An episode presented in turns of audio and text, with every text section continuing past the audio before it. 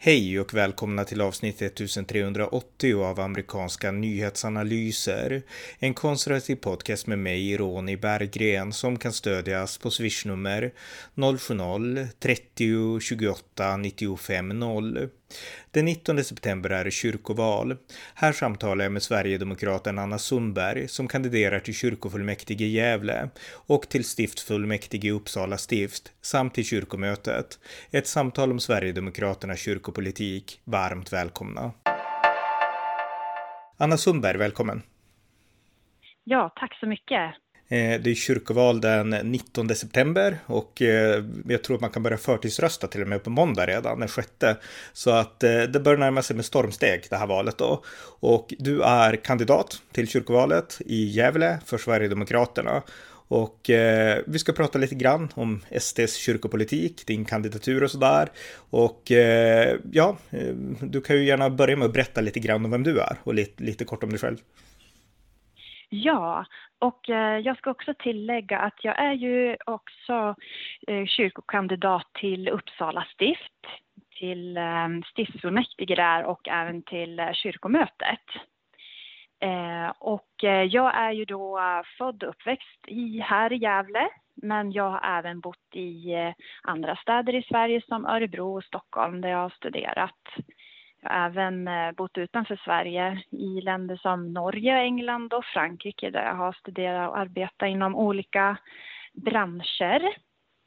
Ehm, jag eh, har, ju fri, jag har ju en fritid fast jag också heltidsarbetar om dagarna. Jag jobbar för en eh, statlig myndighet och har gjort det i snart 15 år. Men min fritid då spelar jag gärna tennis eller så tycker jag om att läsa böcker böcker tycker jag är jättespännande. Ju mer man vet desto mer vill man ta reda på. Eh, givetvis så har jag ju också min eh, tro som jag har burit med mig eh, hela livet faktiskt. Jag eh, gick ju i söndagsskolan när jag var liten. Mina föräldrar tog mig till kyrkan. Så min tro har ju alltid funnits där eh, väldigt naturligt för mig. Och eh, jag har väl under årens lopp heller aldrig tvivlat på min tro. Även om jag, eh, jag motsätter mig inte tvivlet utan det kan ju vara så att man har perioder i livet då man tvivlar men ur det kan ju också växa fram någonting eh, ännu större, en starkare tro för att den bär ju. Mm. Och, ja, men, det var lite grann om mig. Mm. Ja, ja, men jätteintressant. Men, men jag tänkte fråga just om tron, för det här är, det är ett kyrkoval som sagt och det finns ju väldigt mycket, mm. många partier, eller alla partier antar jag, ställer upp där i det här kyrkovalet. Och vi har ju några partier som är uttalat sekulära och eh, det är väldigt många som kandiderar som inte har en personlig tro. Men du har alltså det och eh, min fråga är, hur pass, hur pass viktigt tycker du att det är att ha en personlig tro, alltså när man är engagerad just i, liksom i förhållande till kyrkan? Jag tycker att det är eh, viktigt, vikt, jätteviktigt. Eh, men, och samtidigt ska man ju komma ihåg att kyrkan är ju också en stor och alltid varit en sammanhållande kraft för hela svenska samhället och har ju fått ett inflytande även hos de som inte tror just därför att det är ju sån, eh, vi har ju så mycket traditioner som är kopplat till kyrkan. Men samtidigt så ser jag ju att när jag har med min tro så har jag också en stor respekt för det kyrkan gör och vad den står för i alla tider och eh, också då att man man har ju läst Bibeln och vad som står där. Eh, jag tycker inte om det här eh, politiska trycket på vår svenska kyrka idag som inte är sunt. Och ehm, jag tycker inte att man ska driva på det ytterligare. Jag som kristen ser ju att eh, kyrkan behöver få en eh, behöver få ro att vara kyrka. Mm. Vi, kan, vi kan komma in på det lite senare, vad som kanske, ja, du tycker behöver mm. reformeras och ändras och så här när det gäller kyrkan och kanske kyrkopolitiken i synnerhet. Men eh, som sagt, du kandiderar mm. för Sverigedemokraterna och eh, min fråga är varför, varför just Sverigedemokraterna? Varför valde, du, varför valde du SD, så att säga, av alla partier som finns?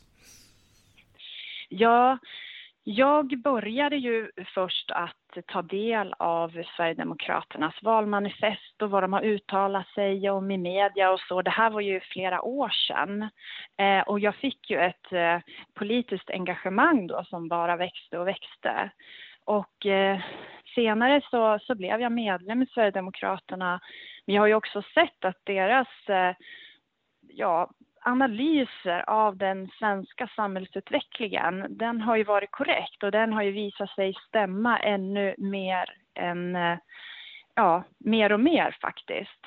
Och sen just att de också har det här spåret att de vill värna den svenska kyrkan och vårt kristna kulturarv. Så för mig som kristen så känner jag mig väldigt hemma också i Sverigedemokraterna med min kristna tro. Och det tycker jag är fantastiskt. Ja, eh, eh, du har ju, alltså, jag har också en kyrklig bakgrund och frikyrklig och jag tror din också är det va?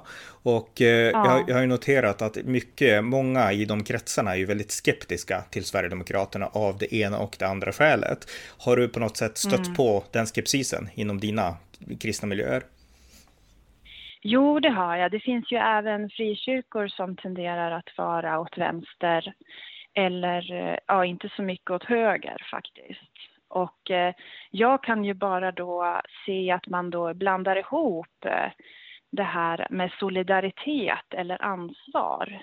Vi, alltså det, en biblisk princip är ju att vara att, att den talar ju mycket om vilka har vi ansvar för? Bibeln talar egentligen inte om den här solidaritetstanken som jag tror många kristna har lurats in i.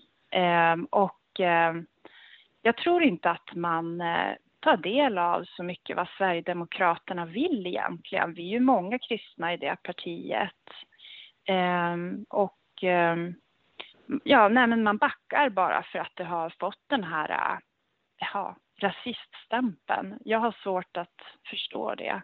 Mm. Men du känner inte att du har blivit mm. liksom personligt stigmatiserad eller någonting just för att du är med nej, gäst? Nej, Absolut inte. Absolut inte. Tvärtom, utan jag får också mycket stöd måste jag säga. Så jag känner inte att jag har blivit utfryst eller stigmatiserad på något vis. Nej, nej just det. Så det är jättebra. Mm, ja. mm. Om vi då går vidare till själva ja, kandidaturen och politiken. Vad vill då Sverigedemokraterna med, med, liksom, ja, med, med kyrkopolitiken, Svenska kyrkan? Ja, vi är ju vi, vi har ju en, en stor Ehm, eh, omtanke om den svenska kyrkan så att säga. Vi vill ju dels förvalta och bevara vårt kristna kulturarv. Vi har ju inte engagerat oss i Svenska kyrkan för att vi vill förändra eller ändra någonting utan vi vill ju att Svenska kyrkan ska få vara en, just en kyrka utan en politisk påverkan. Eh, och eh, det här tar ju sig uttryck i att känner man sig inte hemma i Svenska kyrkan som vi ser idag så lämnar man ju Svenska kyrkan.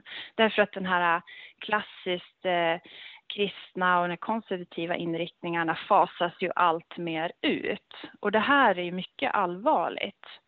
Eh, kyrkan ska inte behöva anpassa sig till olika politiska trender, vilket den tenderar idag. Men sen så ser vi också på att eh, vi vill att kyrkan ska finnas eh, överallt där människor finns för att skapa en, eh, en stark gemensam, gemenskap och en sammanhållen kraft i eh, mindre samhällen. Så vi är emot de här eh, sammanslagningarna som ibland tyvärr sker.